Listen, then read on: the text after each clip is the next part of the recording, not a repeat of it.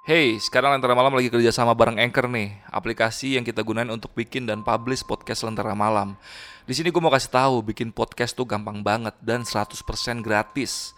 Semua yang kita butuhin buat bikin podcast tersedia lengkap di Anchor, termasuk untuk distribusi ke Spotify dan platform podcast lainnya. Yuk download aplikasi Anchor sekarang dan bikin podcast kalian segera.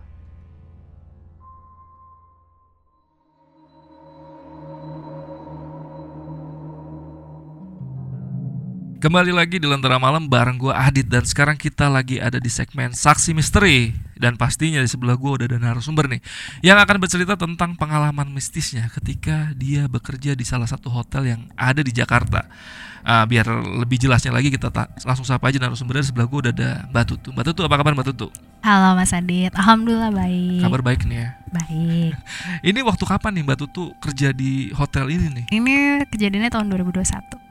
Oh pas pandemi berarti ya? Yes.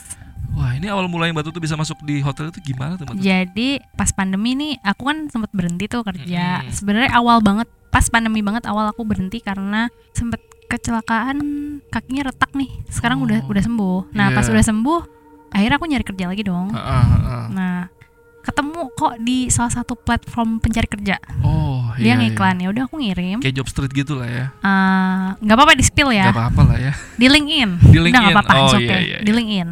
Terus habis itu ngirim, besoknya di WA bisa interview nggak? Kebetulan interviewnya Zoom kan, karena hmm, lagi pandemi. Ya udah gitu. Yeah, Terus yeah, yeah. dikabarin tiga hari kemudian keterima masuk minggu depan Iya, dan ini kan cerita hotel lagi nih Mbak Tutu kan sebelumnya pernah cerita juga di Lentera Malam hmm. ya hotel udah pasti ini beda ya dengan hotel iya, yang itu ya. Iya. Kalau boleh dikasih ciri-ciri sedikit gimana sih hotelnya yang, yang tempat sekarang ini gitu? Ini hotelnya kalian nggak akan nyangka deh, hmm. karena dia nggak ada vibes horornya sama sekali. Oh, bangunan karena baru. gedungnya baru, baru berdiri tuh setahunan, setahun dua tahun deh. Oh, Jadi baru mau iya, buka iya. udah keburu pandemi. Iya. Dia. Untung, untung gak bangkrut ya? Untung enggak, tapi buka dia perawatannya padahal bagus loh. Iya. Perawatannya iya, iya. bagus. Enggak, kalian tuh kok ke sini enggak akan nyangka deh. Ini ada bintangnya nggak? Ada bintang berapa gitu? Eh, aku nggak mau sebut. Oh, Maaf ya. Itu lebih spesifik nanti, Nanti ya. spesifik kalian bakal nemu tempatnya Iya, karena iya, iya. eh, jujur aja nih penonton-penontonnya Lentera Malam nih mereka tuh kan cukup aktif ya. Iya, iya. Di sosmed aku pun gitu. Banyak intelnya ya. banyak intel, banyak banyak ini apa menyamar tukang somai padahal pakai HT gitu kan, enggak. Jadi banyak yang nanya kan, nah, aku nggak mau ngasih clue jelas soalnya Iya, iya, iya. ngejaga privasi tempat. Demi keamanan Mbak Tutu juga. Betul, Iya, enggak iya. aku sih nggak aman, pasti aku akan dibombardir untuk Iya, ditanya, tapi aku udah siap untuk itu. Iya, iya, iya. Tapi ngejagain lah, yang penting tempatnya tuh nggak nggak ke detect gitu, Hmm. so oke nggak apa-apa. Iya, dan ini Mbak Tutu kan cukup pendek ya itu apa kerja di hotel Iya, pertama itu. kali terpendek, Itu terpendek berapa ini, lama kira-kira sih? sebulan lebih dikit. Sebulan lebih dikit. Pertama kali kerja di hotel paling pendek waktunya. Iya, dan itu juga diisi dengan beberapa hari Mbak Tutu sakit-sakitan terus. Yes, cuman ini benar-benar epic yang hampir nyawa. Jadi aku ketiga kalinya hampir mati lagi nih. Kan Mm-mm. pertama udah tuh aku cerita di Lentera Iya, Malam iya, kan. Iya, iya. Pas ham- mama hamil aku 6 Pas bulan. lahiran tuh ya. Pas iya. aku lahir sama ini Iya, iya, iya. akhirnya. Dan nanti biar lebih jelas lagi dari cerita Mbak Tutu aja itu nanti bakal diceritain kenapa Mbak Tutu bisa sakit-sakitan dan ya hampir mengantar nyawa ya di hotel Betul itu. sekali, ya. mengantar nyawa gratis, bener. Iya, iya, iya. Oke sebelum masuk ke ceritanya gue mau infoin dulu nih buat kalian yang pengen jadi narasumber juga seperti Mbak Tutu bisa langsung aja DM ke Instagramnya Lentera Malam itu ada di lenteramalam.id atau kalian bisa DM ke Instagram produsernya Lentera Malam itu ada di John Arya atau Arya John ya apa kok ya John Arya ya. Ya pokoknya nanti gue taruh di kolom deskripsi lah. Itu nanti kalian bisa DM John uh, minta diundang jadi narasumber pasti harus kita cek dulu ceritanya. Kalian bisa kirim voice note ceritanya ke si John baru nanti bakal kita undang ke Lentera Malam Oke Mbak Tutu udah siap nih buat cerita malam ini nih? Udah siap. Tapi sekalian mau ngasih tahu buat pendengar Hmm. Malam kalau emang kalian punya cerita, jangan malu untuk nggak cerita. Iya, Banyak iya, kan betul, yang betul, malu betul. atau banyak takut. banget, banyak banget. It's okay cerita aja nggak apa-apa. Kita di sini fungsinya adalah untuk mengentertain aja dengan cerita. Betul sekali. Mau disamarin hal-hal pentingnya bisa banget. Betul. Jadi Nah, aku di sini ngebantuin nih, jangan Iya, tak iya. please jangan takut, Iya, nggak apa-apa. Karena kita pun dari Lentera Malam selalu memberi ruang kepada narasumber supaya menjaga privasi segala macam demi keamanan dia juga juga dan Betul. ke depannya kan karirnya ibaratnya kalau kayak Mbak Tutu spill tempat atau segala macam kan pasti ini berefek buruk ke karir Mbak Tutu ke depannya nanti mau masuk Iya. hotel mana Benar. nanti kamu mencemarkan nama baik hotel saya nih. Iya, padahal kan aku bilang loh, saya kan tidak spill sama tempatnya. Iya, betul, betul, betul, gitu. betul. Jadi buat kalian jangan nggak usah malu-malu langsung DM aja ke Instagram Lentera Malam.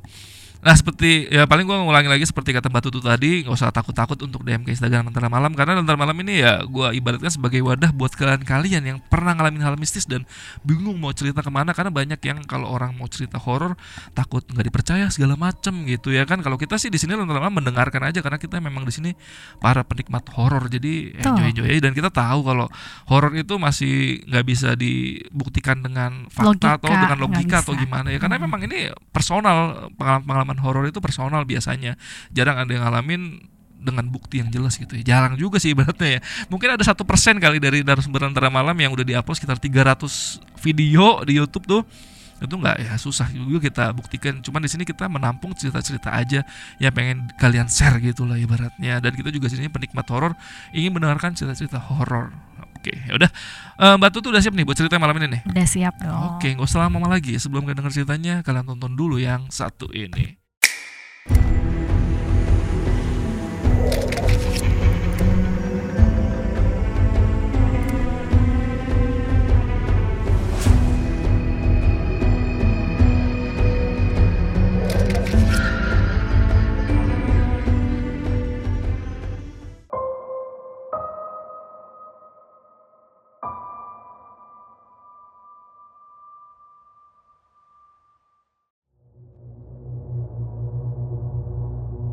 Kejadiannya setahun lalu ya, 2021. Jadi aku pas pandemi tuh keterima kerja di salah satu hotel. Hotel-hotel baru di Jakarta ya. Aku bilang baru karena dia tuh baru buka tuh setahun. Jadi eh, buka masa pandemi kan berat ya. Jadi emang hotelnya waktu itu belum belum ramai banget lah traffic. Nah, aku pas keterima itu interviewnya sebenarnya eh, via Zoom nih jadi nggak pernah ke tempatnya langsung gitu Iya, kan. iya. jadi aku nggak ada gambaran tempatnya kayak apa. Cuman kalau cek di maps mah ada gitu. Udah. Nah keterima aku masuk lah minggu depannya. Jadi aku interview hari senin nih. Dikabarin hari kemis keterima jadi senin aku langsung kerja. Nah pas aku awal datang aku eh, sempet sebenarnya agak kaget sih. Kagetnya tuh dua. Yang pertama kalau dari sisi logis wah ini gedungnya bagus nih. Pasti aku sebagai markom untuk promote tempat ini tuh nggak sulit lah bahasaku gitu ya. Jadi kayak wah estetik nih. Jadi kalau aku mau bikin materi atau apa itu nggak sulit. Tapi di sisi lain kayak kok hawanya agak beda? Gitu. Nah udah. Sampai nih aku di tempat. Biasa kalau hari pertama itu aku nggak tahu kalau tempat lain ya. Kalau tempat ini orientasi dulu biasanya kayak ngukur seragam. Kan kayak seragam tuh sama dia. Terus muter-muterin hotel cuma kan muterinnya pas siang tuh. Jadi pas siang sama muter nggak ada apa-apa. Eh, ini hotelnya bentuknya itu kayak huruf O kayak huruf O ya. Di tengahnya itu ada kolam. Di dekat kolam tuh kayak ada bangunan semacam kayak gazebo tapi gazebo gede yang kalau kita mau bikin acara kayak cuman akad atau misalkan naruh DJ buat party tuh bisa gitu. Itu maksudnya nggak kena hujan lah kalau hujan gitu ya padahal tuh open air. Nah terus hari pertama aku nggak ada apa-apa nih berjalan lancar pulang on time. Nah karena di hari pertama udah termasuk ngomongin mau bikin apa aja biasanya kok kerja kan kita udah bikin tuh rencana mau bikin bulan ini apa tiga bulan ke depan sampai setahun gitu lah ya. Nah kebetulan besoknya itu kan aku dapet eh, apa aku kan di divisinya under sales nih jadi bareng director of sales aku marketing terus aku ketemu nih sama atasan aku nih yang emang user banget lah supervisor jatuhnya. Si atasan aku bilang tuh "Eh, alhamdulillah aku lagi dapat event. Eventnya private waktu itu. Yang datang ada selebriti papan atas lah gitu buat sewa ballroom. Kebetulan situ ada ballroom ballroom kecil gitu. Terus oh iya bu. "Ah, ah, nanti kita mau meeting sama dia ya gitu. Ya udah nih aku meeting. Udah dapet lah eventnya minggu depannya gitu. Dah. Terus hotel ini nih agak unik. Jadi gini hotel ini lima lantai. Per lantai itu ada kamarnya sekitar 20 sampai 30 tapi kalau kamarnya di lantai itu nggak ada tamu itu lampunya dimatiin. Maksudnya nggak common ya. Biasanya kan kalau hotel standar itu tetap nyala walaupun nggak ada tamu. Iya. tapi kamarnya yang nggak nyala gitu. Lorongnya nyala. Ini benar-benar lorongnya nggak nyala Setiap nggak ada yang huni atau yang nyewa lantai itu, Iya, itu dimatiin lampunya. iya. Kalau ada satu, misalkan yang nginep satu kamar aja nyala Tetap nyala. lorong. Tapi kalau nggak ada sama sekali Iya, iya. mati. Dan emang pas pandemi tuh berat banget emang nyari tamu jujur aja. Terus ada satu kamar di lantai 5 Jadi lantai 5 tuh kamarnya cuma satu. Nggak boleh dibuka sama siapa pun. Oh, Kecuali sama yang punya atau anaknya. di lantai 5. Lantai 5. Dan aku sampai sekarang nggak tahu wujud lantai 5 kayak apa. Karena aku nggak pernah lihat situ. Aku cuma pernah sampai lantai 4. Nah, setiap lantai itu mereka eh, kamarnya kan hadap-hadapan nih. Yang satu view ke jalan, yang satu view ke kolam renang. Nah, kebetulan eventnya itu orangnya nggak cuman sewa ballroom doang. Dia sewa juga sekitar tiga kamar.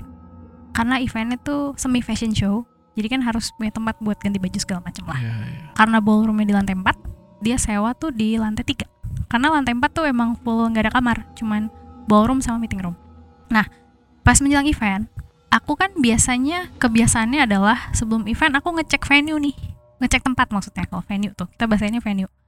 Jadi besok eventnya pagi. Biasanya sebelum orangnya check in kan orangnya check in rata-rata pagi. Jadi biasanya sih ada yang check in satu hari sebelum.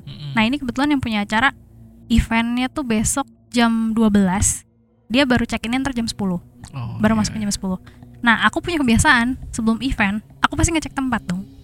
Nah kebetulan aku sebagai markom kan harus mastiin dong Tempatnya beres Udah didekor sesuai yang dia mau Layoutnya kayak apa. Eh, Jadi kalau ada yang kurang-kurang aku masih bisa minta tolong departemen terkait lah Biar besok beres. Nah eh, aku inget banget tuh eventnya hari Jumat Kamis malam Jumat aku inget aku tuh pulangnya kan sebenarnya standarnya jam 5 cuman karena mau ada event itu tentu aku tunggu dong sampai beres. Nah akhirnya aku cek tuh sekitar jam habis maghrib setengah tujuh. Aku ke atas ke lobby. Kaget pas buka kok lantainya gelap? Wah aku nyalain dong satu-satu. Walaupun pas lantai gelap tuh jujur ada aja sekelebat lewat jujur. Ekor mata nangkep gitu. Cuman aku pas masuk tuh liat sekelebat aku ke dalam hati nih kayak cuman bilang aku di sini numpang mau ngecek event aja. Aku nggak ada niat jelek udah. Terus habis itu aku nyalain lampu. Alhamdulillah ternyata sudah tertata sesuai lah yang Hmm. udah disepakati gitu. Karena kalau enggak kan aku harus kontak uh, departemen terkait nih. Udah udah oke. Nah terus aku sempet lah pipis dulu ke toilet. Nah toiletnya gelap. Terus pas eh, nyalain toilet tuh udah nyalain lampu aku pipis. Biasanya habis pipis kan kita apa namanya ada jeda lah buat kalau cewek jeda pakai celana gitu segala macam lah pas di toilet tuh aku sempat denger sih dari toilet ujung tuh kayak ada yang nge-flush Oh, nah terus aku bingung dong kan gue sendiri di atas nih iya. karena iya. atasanku yang sales ini nggak bisa ikut dia karena waktu itu dia harus pulang cepet buat besok buat ya segala macam lah Hmm, gitu Karena pas Mbak Tutu masuk pun kondisi kamar mandi gelap ya. gelap dan aku di lantai 4 aku sendiri karena Iya. waktu itu kita sewa staff tambahan tapi staff tambahannya kan di hari H-nya Hmm, iya iya iya. udah abis itu keluar kamar mandi tapi nggak tahu kenapa aku berani loh. Aku bukain tuh toilet satu-satu. Kosong nggak ada apa-apa. Enggak ada apa-apa. nggak ada apa-apa. Dan toilet yang aku dengar ujung tuh aku cek satu-satu toiletnya kering. Kan kalau orang nge-flush basah kan pinggirnya ini Iya. benar-benar kering. Akhirnya aku kayak dalam hati nih oh gue udah diusir nih kayak gue nggak boleh lama-lama. Dah Iya, akhirnya iya. aku buru-buru turun. Itu pun jujur pas nunggu lift itu ada rasa debar-debar. Kayak deg-degan gitu. Cuma dalam hati kayak Bismillah aku kan di sini niatnya mau kerja ya cuman mau cari rezeki gitu nggak ada lah niat mau gimana gimana dah nah aku turunlah ke lantai tiga kan dia sewa tiga kamar kan Mm-mm, mm-mm. buat prepare ya dia pribadi nih yang penyelenggara sama model buat model dua kamar tuh buat Iya. ganti baju segala macam kebetulan nyewanya tuh kamarnya se- sederet jadi sebelahan Mm-mm. tiga itu tapi nggak ada apa namanya nggak ada kan ada beberapa yang punya pintu apa Iya, tuh pintu iya. sambung tuh Apa tuh namanya ya? Iya pokoknya Ya, iya aku lupa antar namanya. kamar gitu ya. antar kamar gitu. Iya. tapi dia nggak ada. Terus pas aku turun sama gelap juga. Gelap Karena belum diisi kan. belum diisi. Iya iya. terus akhirnya aku kayak nyalain karena sebenarnya aku tahu cara nyalainnya di mana. Aku nyalain lampunya satu lorong nyalakan. Nah aku nyalainnya kebetulan dia tuh dapat kamarnya yang depan deket lift persis bukan yang harus aku belok. Karena kan ada yang belok nih kamarnya. Iya, kan iya. seperti yang aku bilang ada view ke jalan ada view ke kolam. Mm-mm. nah dia dapat view kolam kolam tuh kebetulan nggak perlu belok kanan belok kiri Iya. saat itu dan ya udah aku cek tuh kamarnya eh, nomor sekian nomor sekian nomor sekian aku nggak sebut ya nah aku cek kamar pertama aman nih nggak ada apa-apa kamar kedua aman nah kamar terakhir itu posisinya kan pas banget ngadep ke kolam jadi kamar kolam terus depannya tuh yang si aku bilang tempat kayak semi gazebo itu Iya, iya. iya. Aman nih kamarnya. Maksudnya aku biasanya ngeceknya kayak bersih apa enggak? Ada yang kurang nggak misalkan tisunya nggak ada gitu gitulah oke aman. Terus aku ngelihat teras dong. Maksudnya kayak pintu pi- buka ah gitu. Maksudnya mastiin buka tutupnya lancar gitu. Iya. pas di, aku lihat di gazebo itu kayak ada yang duduk. Di lan atapnya tapi ya. Di atapnya. di atapnya. Jadi ini kolam ini atapnya nih. Iya, iya. ujungnya kan ada kayak semi gazebo di atap gazebonya. Atap gazebo kebetulan lurus aja nggak berbentuk-bentuk gitu lurus aja gitu. Mm, mm, mm. Aku lihat tuh se- sekilas sih memang. Nggak sekilas maksudnya kayak ngelihat ada makhluk aneh. Jadi makhluknya tuh kayak laki-laki umurnya mungkin udah 40-an maaf telanjang. Dan maaf dia kelaminnya panjang banget. Hah? ngejuntai sampai kolam. Ya terus lidahnya juga panjang banget. Buset. aku pasti kayak sumpah sempet nge-freeze jujur. Ada kali 10 detik gitu. Dalam hati tapi kayak astagfirullahaladzim. Ini siapa kan nggak mungkin orang Iya, ini dia ngeliat ke arah batu tuh apa enggak tuh? Enggak, dia nggak lihat lurus. Kebetulan eh, arah lurusnya itu dia ke ini, jatuhnya ke kamar yang ngarah ke kamarku, tapi dia nggak lihat aku. Hmm. Terus aku kayak nggak tahu kenapa saat itu akhirnya aku tut- buru-buru tutup jendela, eh tutup si balkon, kunci, aku tutup hordennya kan ada hordennya tuh. Aku buru-buru turun. Karena setelah aku lihat jam itu kayak udah setengah sembilan. Karena aku Iya, kan iya. kalau ngecekin teliti ya, jadi nggak mungkin cepet lah. Iya, iya, iya.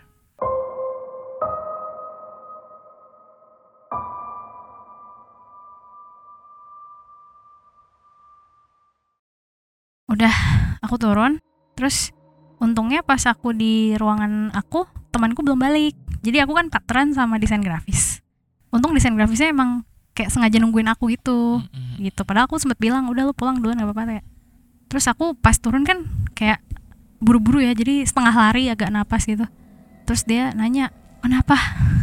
Enggak gue lihat sesuatu nggak enak lah. Terus sebenarnya jangan jujur nih aku aku pas balik mau turun aku bilang nih ada apa ada ada lampu yang nggak nyala kan? Iya. di lorong yang gak ada nyala itu jadi kan bentuknya ini lift nih ini si kamar ini lorong. Terus ada yang belok kanan belok kiri kan? Iya, iya. nah di belok kanan sebelah sini sebelah kiri tuh aku sempat lihat emang kayak ada pocong lewat. Tapi nggak lihat aku ya dia kayak lewat Iya, doang gini iya, iya. dan lewatnya nggak lompat bener-bener melayang. Aku sekilas tuh liat kayak aduh buruan dong gitu. Nah aku pas lift kebuka aku tahan aku buru-buru matiin lampu turun. Karena jujur ya walaupun sering ngeliat mereka adalah kita punya rasa takut nggak mungkin nggak. Untung di lift sih nggak kenapa-napa. Nah pas aku turun tuh kenapa? ditanya temanku. Ntar gue cerita pas keluar aja ya bang gitu kan.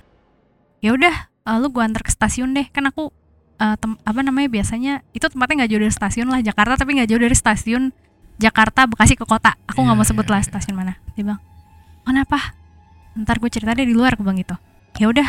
Eh balik yuk kata dia. Gue dari tadi nungguin lo nih. Gue nggak enak mau pulang sendiri. Udah habis itu turun nih sama dia. Namanya pakai seragam kan harus balikin dulu nih. Ganti pakai baju yang kita berangkat tadi. Pulang absen segala macam dah. Terus habis itu aku diantar ke stasiun.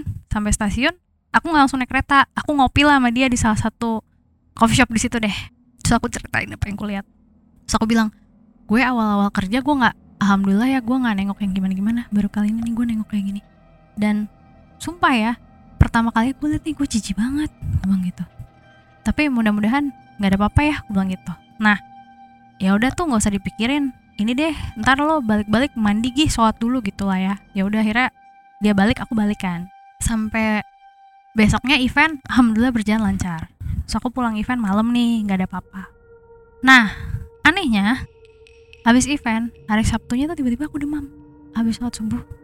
Kan habis sholat subuh biasanya aku masih apa biasanya nggak langsung tidur lagi lah. Entah masak kayak apa kayak gitu lah bikin sarapan. Ini bener-bener kayak pure habis itu pengen tidur lagi. Terus rasanya tuh demam tapi badan menggigil banget. Greges ya badannya. Gereges banget. Dan pas diukur pakai termometer pun lumayan tinggi loh 39 Hmm, iya, iya. sampai suamiku bilang deh kita ke rumah sakit nggak? Gitu ngecek. Aku bilang ntar dulu aku nggak kuat. Aku beneran nggak kuat gerak. Bahkan ke kamar mandi aja udah berat banget. Padahal jarak kamar mandi tuh kayak cuman kasur ke kamar mandi deket gitu. Aku tuh cuman tidur hari itu. Tidur sempat dibangunin suami makan cuman makan berapa suap minum obat tidur lagi. Dan sama tidur ini aku kan punya kucingnya dua ekor. Yang biasanya mereka nggak selalu mau tidur di deket aku. Anehnya yang satu pasti tidur di samping pala yang satu tidur di kaki. Dan aku selama dua hari sabtu minggu demam terus tuh. Kayak gitu. Dua hari tuh ya? Dua hari bener kayak gitu. Bener-bener nggak bisa ngapa-ngapain. Hari seninnya agak enak eh, aku kantor. Dianterin suami kan. Terus aku di kantor tuh biasanya kalau di hotel kan kita ada meeting pagi. Biasanya tuh orang yang kerja di hotel pasti tahu deh. Kita briefing briefing kayak report kemarin gimana ke depannya mau gimana plannya Hmm, apa gitu-gitu ya. Dah. Biasanya meetingnya tuh berlangsung sejam dua jam deh. Maksimal dua jam kelar meeting aku izin tuh sama atasanku. Aku cerita aku demam kan. Saya terus kamu sekarang gimana? Saya masih agak lemes sih bu jujur. Saya boleh nggak izin? Abis ini saya pulang ke rumah sakit. Nah ya udah akhirnya aku pesen tuh taksi online aku langsung ke rumah sakit. Nyampe rumah sakit langsung ke IGD di di itu dulu apa di swab antigen hasilnya negatif kan. Ke IGD sempet diinfus itu aja di IGD aku kan abis diinfus eh, dicek darah kan ternyata aku hasilnya tuh ini DBD DBD DBD yang sebenarnya ngerasa agak aneh karena biasanya kan D- aku pernah DBD nih sebelumnya. Iya, biasanya iya, tuh iya. ada bintik merah ini pure nggak ada bintik. Mm. dan aku ngerasa nggak digigit nyamuk juga gitu. Iya iya. Ya udah. Berarti trombos trombositnya rendah nih berarti. Wah trombositnya drop banget parah. Iya iya. Terus abis itu sama rumah sakit dibilang ini kamu harus dirawat mau nggak mau. Posisinya aku lagi sendirian terus eh, suami aku lagi dinas. Jadi suamiku tuh abis ngantar aku dinas dia ke luar kota lah selama seminggu. Terus aku ngabarin dia. Jadi aku selama di IGD tuh abis diinfus kan dikasih dia obat demam yang sebotol gini lewat infus tuh. Dan aku sempet antara tidur setengah tidur tuh di rumah sakit aku juga lihat di atas langit tuh kayak ada makhluk ngeliatin aku melayang. Pas di IGD nih. Pas di IGD iya iya iya iya. gitu tapi aku kayak antara sadar nggak sadar cuma kayak ah udahlah gue udah nggak berdaya nih jadi udah gitu. Habis itu dokter kan ngerujuk harus dirawat aja. Dan karena masih pandemi kan nggak boleh ditungguin dong. Mm, iya iya. Jadi pandemi itu dikasih dua pilihan boleh ada yang nungguin tapi nggak keluar sama sekali sampai sembuh atau lebih baik nggak ditungguin sama sekali. Biasanya mereka akan nyaranin nggak ditungguin sama sekali tapi suster pasti standby. Iya iya iya. Udah abis itu aku dirawat nih masuk ke satu kamar yang alhamdulillahnya berdua. Sebelahku eh, pasiennya perempuan juga. Ibu-ibu. Tapi dia sama si tipes kalau nggak salah tuh. Terus aku nggak banyak ngomong kan karena emang lemes banget tidur gitu. Nah mm, alhamdulillah abis dikasih obat demam itu malam itu tenang tuh malam pertama. Jadi aku di rumah sakit tiga hari dua malam. Malam pertama tenang ya cuman malam-malam jujur nih suka dengar suara cewek nangis tapi ya udah aku abaikan karena ya udahlah gue lagi sakit udah gitu. Dibawa tidur aja. Udah besoknya kan dicek lagi trombositnya. Turun lagi nih lebih turun daripada yang awal datang. Mm, ngedrop lagi nih berarti ngedrop ya. lagi lebih lebih turun deh. Nah habis itu di malam terakhir tuh nggak tahu kenapa kan biasanya aku cuman pasien doang kan suster sesekali. Ini benar ada suster yang standby. Mm, mm. dan susternya itu per jam 11 malam itu dia bangunin aku. Per sejam sekali mbak mbak. Iya sus gue bilang gitu ini orang beneran ya? Iya, iya, manusia iya. kok susternya iya sus oh minum dulu ya gitu. Terus minum air putih terus tidur. Dibangunin lagi per satu jam. Sampai jam dia selesai bangunin aku tuh jam 6 pagi. Jadi 6 pagi aku benar-benar dibangunin final. Tapi sama sejam dia bangunin. Aku kan bingung ya kok per sejam dibangunin? Tapi ya udahlah akhirnya nggak aku pikirin tapi itu dibangunnya dia suruh ngapain gitu? Eh, pertama suruh minum air terus dibangunin doang cuma ngecek aku sadar apa enggak udah. Oh iya. Udah. Terus habis itu alhamdulillahnya habis dicek lagi trombositnya udah agak naik nih akhirnya aku dibolehin pulang dengan catatan tuh aku harus minum air isotonik yang Hmm. banyak buat naikin trombosit tuh Hey, sekarang Lentera Malam lagi kerja sama bareng Anchor nih, aplikasi yang kita gunain untuk bikin dan publish podcast Lentera Malam. Di sini gue mau kasih tahu, bikin podcast tuh gampang banget dan 100% gratis. Semua yang kita butuhin buat bikin podcast tersedia lengkap di Anchor, termasuk untuk distribusi ke Spotify dan platform podcast lainnya. Yuk download aplikasi Anchor sekarang dan bikin podcast kalian segera. akhirnya aku pulang tuh terus aku nanya dong sama dokter dok saya tuh semalam dibangunin suster per satu jam tuh kenapa ya terus kata dokter oh gini jadi dua minggu lalu ada pasien DBD meninggal pas tidur. Jadi pas tidur pembuluh darahnya pecah, trombositnya udah drop, Iya, iya. pembuluh darahnya pecah, jadi dari hidung, pas dia tidur dari hidung, dari mata, dari kuping keluar darah. Oh. Nah dia takut aku nasibnya sama kayak gitu. Iya, iya, makanya dicek setiap jam gitu. Iya per satu jam beneran. Jadi aku sempet sekilas ngecek jam, oh iya benar gitu udah. Oh gitu dok. Maaf ya kok terganggu. Ya nggak apa-apa. Kan sebenarnya terganggu jujur. Iya, ya pastilah. udah. Terus udah pulang aku dijemput orang tuaku nih. Aku dirawat di rumah karena kan suamiku baru pulangnya tuh besok kan. Jadi aku tidur di mama. Pas tidur di mama nih alhamdulillah udah enak lah, udah bisa ngomong, udah bisa agak ya gerak dikit lah gitu, nggak cuma di kasur doang. Nah, pas tidur di mama, kagetnya malam kan habis sholat isya tidur nih. Maksudnya habis sholat isya habis makan udah tidur deh. Karena kemarin kan tidur per satu jam dibangunin kan.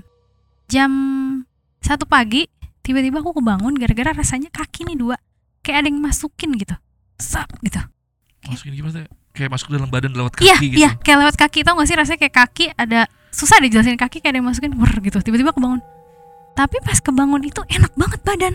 Yang tadinya lemes ya akhirnya aku inisiatif ngambil air wudhu gue sholat hajat sama tahajud. Iya, iya. tapi itu rasanya udah enak yang tadinya sholat cuma bisa tiduran. Ini pure bisa duduk bisa berdiri gitu. Dah habis itu habis sholat tidur lagi kan.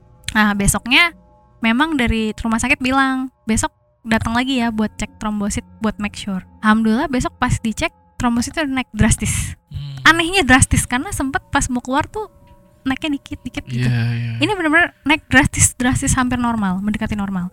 Nah dokternya ah udah bagus nih kayak gini nih saya kasih kamu vitamin aja ya habis ini. Terus kalau bisa bed rest lebih baik. Kalau bisa bed rest seminggu kalau bisa nggak kerja tapi terserah kamu. Nah aku kan masuk rumah sakit hari Senin kan terus pulang kan Kamis Jumat ya. Kamis Jumat sampai Minggu full tuh istirahat di orang tuaku hari Seninnya pas aku masuk kan kantor komplain aku sakit kan seminggu. Iya, iya. akhirnya aku mutusin saya berhenti aja deh nggak apa-apa Hmm. jadi hari itu aku pure langsung berhenti saat itu juga aku ngomong berhenti kantor tadinya minta sampai akhir bulan aku bilang enggak eh, saya soalnya daripada ngerugiin anda nih mending saya berhenti aja Hmm. jadi hari itu akhirnya aku habis pagi datang ngomong di komplain aku berhenti ya aku siang langsung beres-beres barang Iya, iya. langsung ngasih handover udah pulang Belum ada sebulan berarti itu ya? udah udah udah udah sebenarnya itu iya sebulan deh Hitungannya sebulan, iya. ya? ah sebulan lebih dikit walaupun sebenarnya kejadian yang event tuh nggak persis sebelum aku sebulan Oh, udah Jadi sempat ini aku- beberapa lama dulu ya? iya udah sempat berapa lama cuman Iya, nih aku iya, iya. langsung lompat ke bagian udah ininya aja deh Iya, iya, iya. karena yang bagian-bagian sebelumnya tuh ya nggak perlu diceritain nggak apa-apa yang ini aja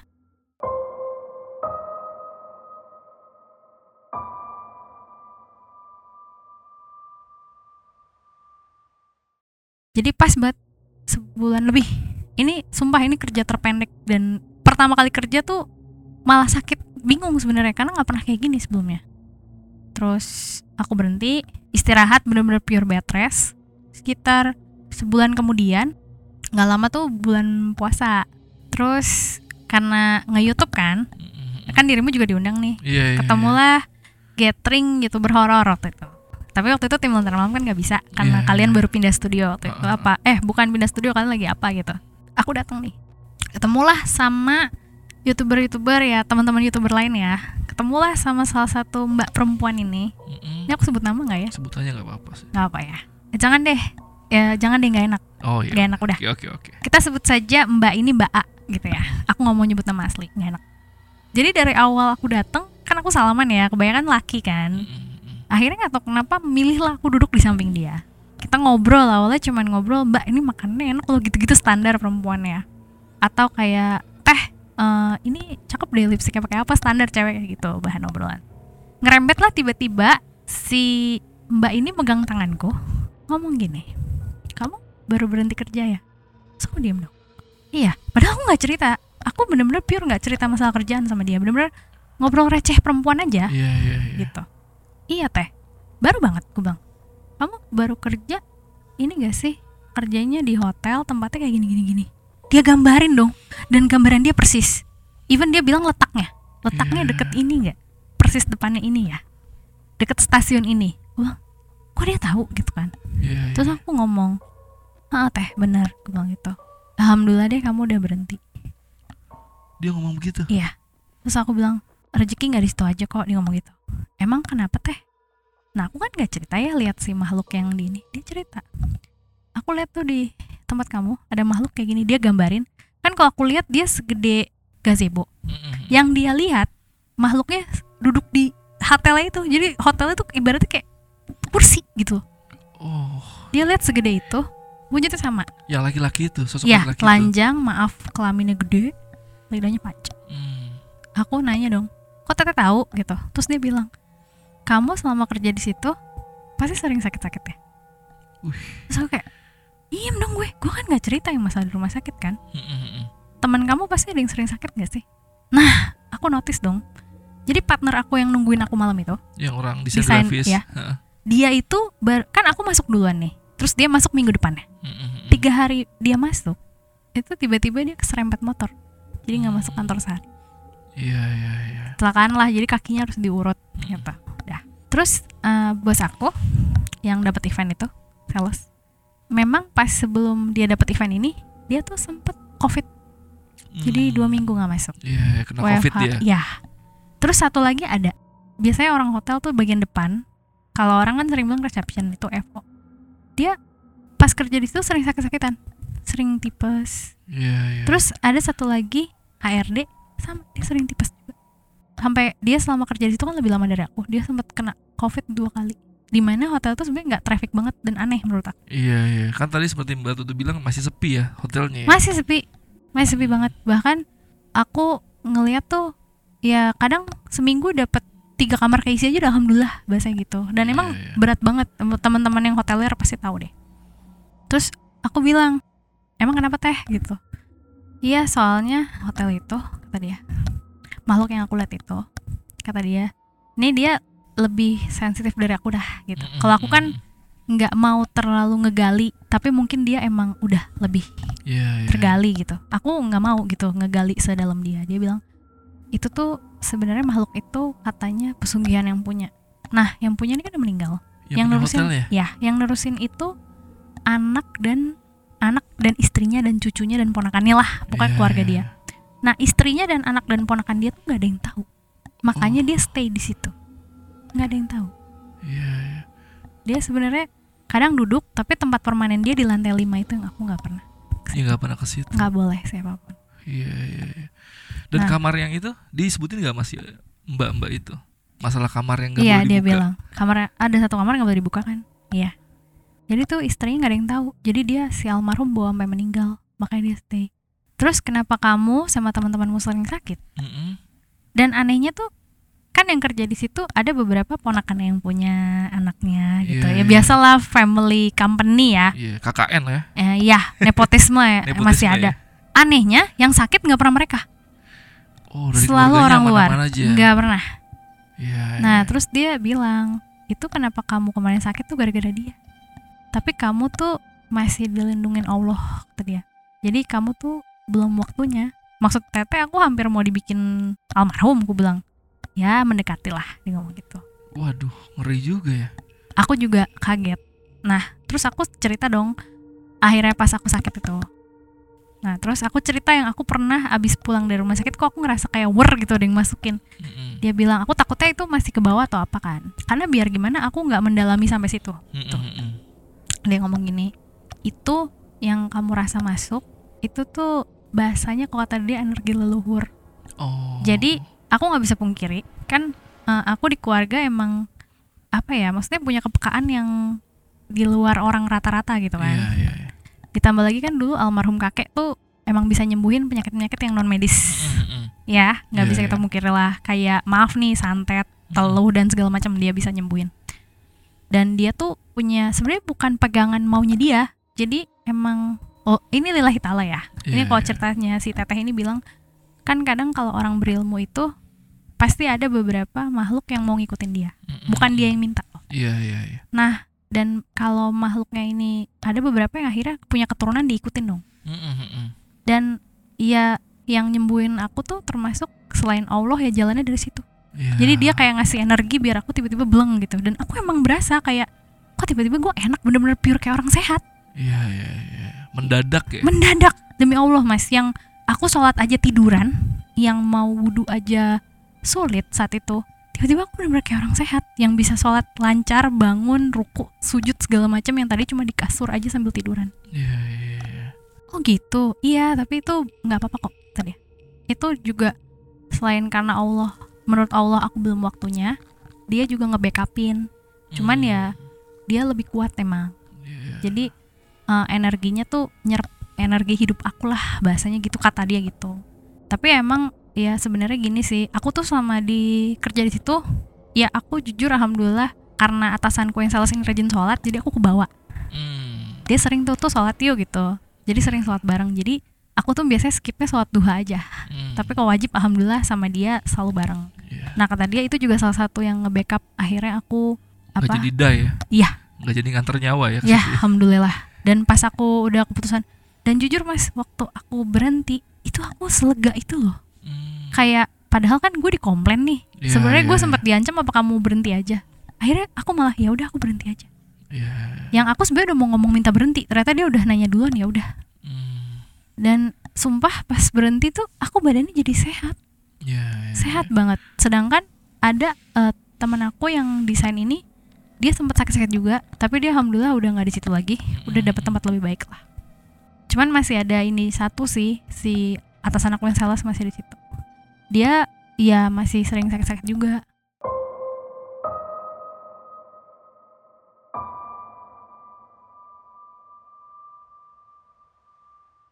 Nah aku akhirnya cerita nih sama atasan aku yang sales ini. Terus dia kaget terus dia bilang pantes ya tuh dia kan orang lama nih Mm-mm. maksudnya dia orang lama di dunia sales hotel udah melanglang ke hotel sana sini lah Iya, dan iya. dia cerita baru di hotel ini doang dia sering sakit-sakit Oh. walaupun sakitnya cuman receh ya mas kayak Iya. flu batuk pilek biasanya enggak Tapi biasanya- sering beruntun gitu sakit lagi sakit Iya, lagi iya. nanti gitu ya. nah aku tuh bilang bu kalau emang ibu masih rezekinya di sono menurut Allah ibu sholatnya jangan lepas aja aku pesan gitu nah si teteh F juga pesen kalau bisa sholatnya jangan putus terus kalau bisa di sana rajin sholawatan insya Allah nggak kenapa-napa nah aku sampein juga Hmm, iya, iya. Nah temenku yang satu lagi yang FO sering sakit Dia masih udah berhenti juga Alhamdulillah Oh iya iya iya. Berarti ini yang udah ken- yang kenal deket sama Mbak Tutu udah pada resign semua kecuali si Iya. marketing itu nah, aja. Jadi ya? aku yang deket itu Selama di sana sama FO yang ini Karena satu ruangan Iya, iya, Terus sama desain Karena kan partner kerja ya Dia Iya, yang bikin iya. visualnya Aku yang maunya gimana gitu Uh, uh, ngasih uh. event Eh, Apa ngasih gambaran lah ke dia Sama yang HRD itu masih sih dia Cuman aku Hmm. nggak cerita sama dia ya hal-hal itu ya. ya. Karena kan aku nggak tahu nih dia percaya apa enggak Mm, mm, mm. kalau yang sales bos uh, atasan aku supervisor itu dia emang dia emang pernah cerita kan kita pernah yang makan siang bareng ngobrol-ngobrol dia cerita emang dia percaya sama hal begitu ya emang ada Oh iya. Dia kira-kira berapa lama sih kerja di situ? Dia udah mungkin di atas enam bulan ada Di atas, oh belum lama juga berarti ya. hmm. Enam bulanan juga kerjanya. di atas enam bulan dia tapi sekarang dia alhamdulillah udah pindah sih Oh. nggak sampai setahun dia bela-belain akhirnya nyari tempat lain gara-gara bukan karena cerita aku sih lebih Iya. ke faktor lain lah Iya, lagi juga sering sakit-sakit juga takutnya mungkin dia kepikiran juga omongan yang batu itu juga kali. Dia akhirnya sakit-sakit dia pikir ya mungkin kalau gue kerja di sini terus-terusan sama aja sakit-sakit Iya, terus gitu. Akhirnya dan keluar. gitu. benar dan baru-baru ini setelah ya udah setahun lebih lah Mm-mm. aku sempet kan kebetulan kita follow followan IG terus aku komen gitu dia lagi ngepost event di tempat barunya dia kan Mm-mm. dia masih di hotel juga aku bilang Iya. bu alhamdulillah ya gitu Eh, eventnya lancar ya bu itu alhamdulillah eh iya kata kamu bener tuh aku sejak pindah jarang sakit-sakit lagi Hah? malah sehat-sehat aja Bener tuh. Ha, even aku cuman flu aja aku tuh bisa belain tetap kantor Iya, iya, iya, iya. gitu Kacau juga ya. Ini berpengaruh ke karyawan-karyawan ya. nah jadi kalau menurut si teteh yang aku temu itu dia ngincernya yang non keluarga Mm-mm-mm-mm.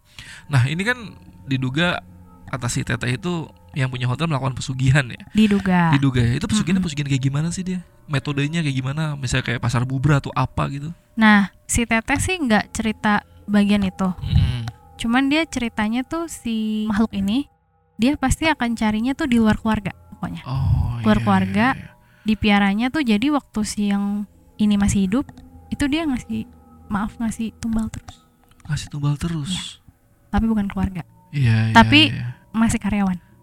Wah, gila. Oh, Entah berarti- karyawannya di perusahaan kan kebetulan yang punya nih perusahaan besar. Iya, dia orang punya kaya, udah punya hotel pasti kaya dia lah ya. ya punya hotel pasti kaya dan dia punyanya nggak hotel doang. Hmm, Aku nggak mau Iya. sebut lah perusahaan-perusahaan perusahaan apa. Iya, iya, iya. Jadi dan buat pendengar kalau kalian ngecek link linkin aku maaf nih aku nggak taruh. Iya, iya, Nggak iya. serius karena aku ngejaga privasi perusahaannya juga Iya, dan iya, iya. aku yakin sih lillahi taala balik lagi percaya sama Allah aja deh. Kalau Iya, emang iya. kalian belum waktunya, ya pasti belum waktunya. Pokoknya perkuat aja lah hubungan kalian dengan Tuhan masing-masing. Iya, iya.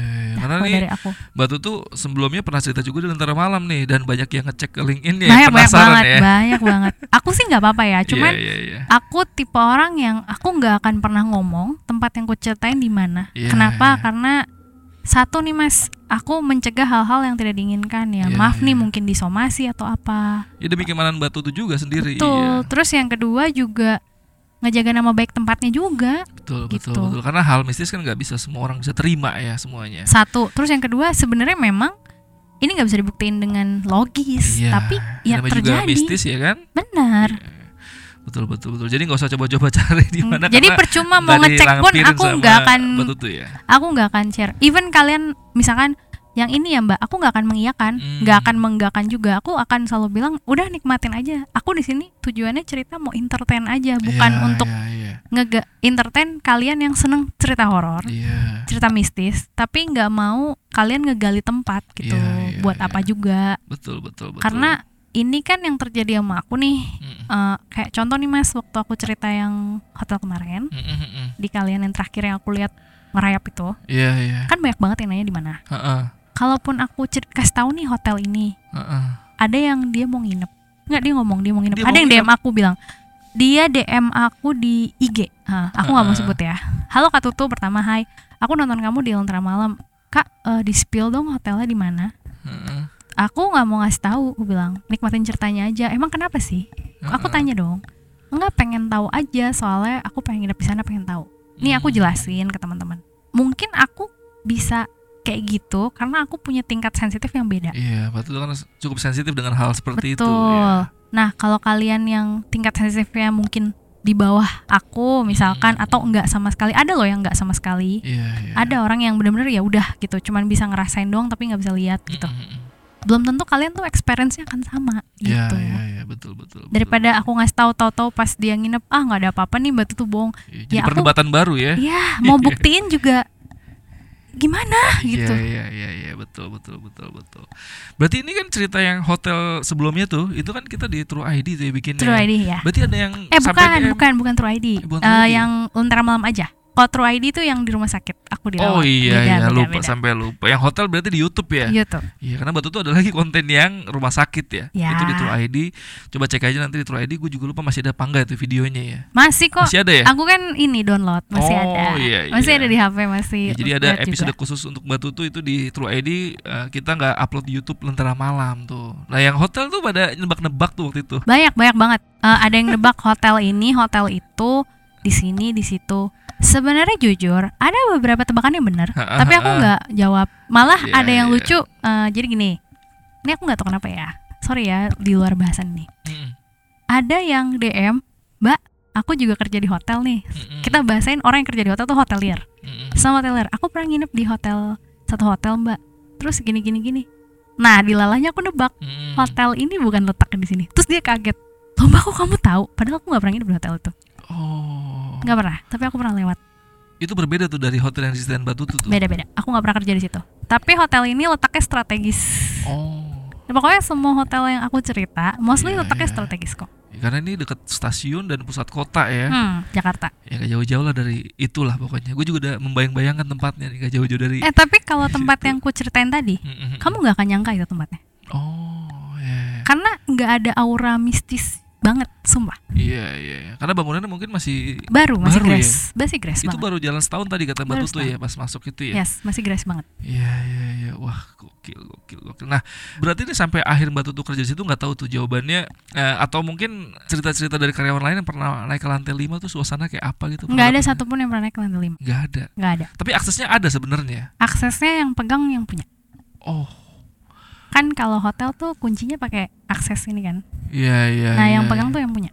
Oh, Nggak iya. pernah dipegang karyawan lain. Berarti benar-benar private tuh ya. Private lantai. banget. Dan itu lantai 5 paling atas ya. Paling atas. Paling atas. Lantai lima satu kamar ya. Iya iya. Jadi satu- satu gede itu cuman kamar itu doang. Oh. Satu lantai space gede itu.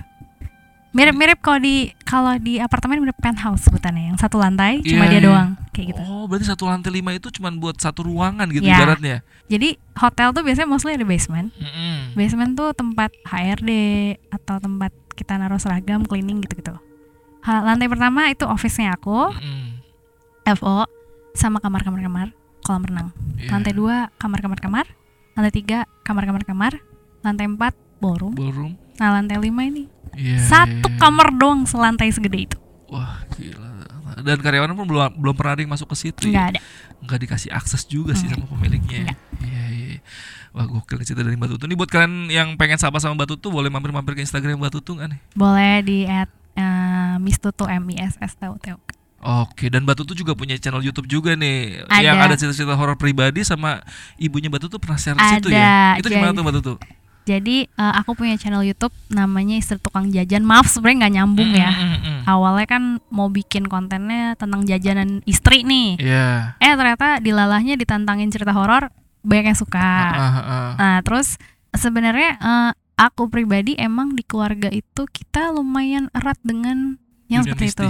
ya. Karena aku punya kakek yang ibu bapaknya mamah itu dia emang dikasih kelebihan untuk bisa nyembuhin yang non medis. Mm, mm, mm. Nah, sebenarnya yang kenceng tuh dari dua keluarga nih, keluarga papaku juga sebenarnya. Mm, mm, Tapi kalau keluarga papa tuh nggak memperlihatkan banget lah. Iya, gitu, iya, dan- iya. Tapi yang aneh itu dari kedua keluarga ini yang sensitif tuh pasti yang perempuan dong, yang laki justru nggak. Yang laki Oh, justru udah biasa aja, Iya, iya. nggak iya. ada. Karena papaku nggak sensitif, biasa aja gitu. Iya. Terus kalau yang mamah ini emang dia tuh sering banget ketemu eh, cerita-cerita banyak deh kalian kalau nonton yang Mm, mm, mm. emak-emak barbar, even mamaku aja pernah maki-maki hantu di bumi perkemahan. Wadidaw. Kayak apain sih lo gitu. Nggak maaf, makinya Iya, iya, iya. kasar, beneran kata-kata kasar. Iya, iya, iya. Itu ada di kontennya tuh di Batu ada ada ada. ceritanya tuh. Itu ada dua, aku bagi dua part ya Mm, mm, gitu. Jadi ada part dia pernah pulang tengah malam jam ah, pulang jam 2 tahun 70-an tuh gimana sih? Wah, iya, iya. iya. Yang dia tuh mau jalan takut sama tantenya, tiba-tiba ada cowok bantuin cuma nyalain api, pas mau bilang makasih hilang. Oh. Iya, ntar lebih lengkapnya di channel YouTube Boleh. Mbak Tutu aja mampir Boleh. ya. Apa Sebenernya- namanya? Istri tukang jajan. Istri tukang Agak jajan. ini ya, bertabrakan ya kontradiksi. Sebenarnya bertabrakan.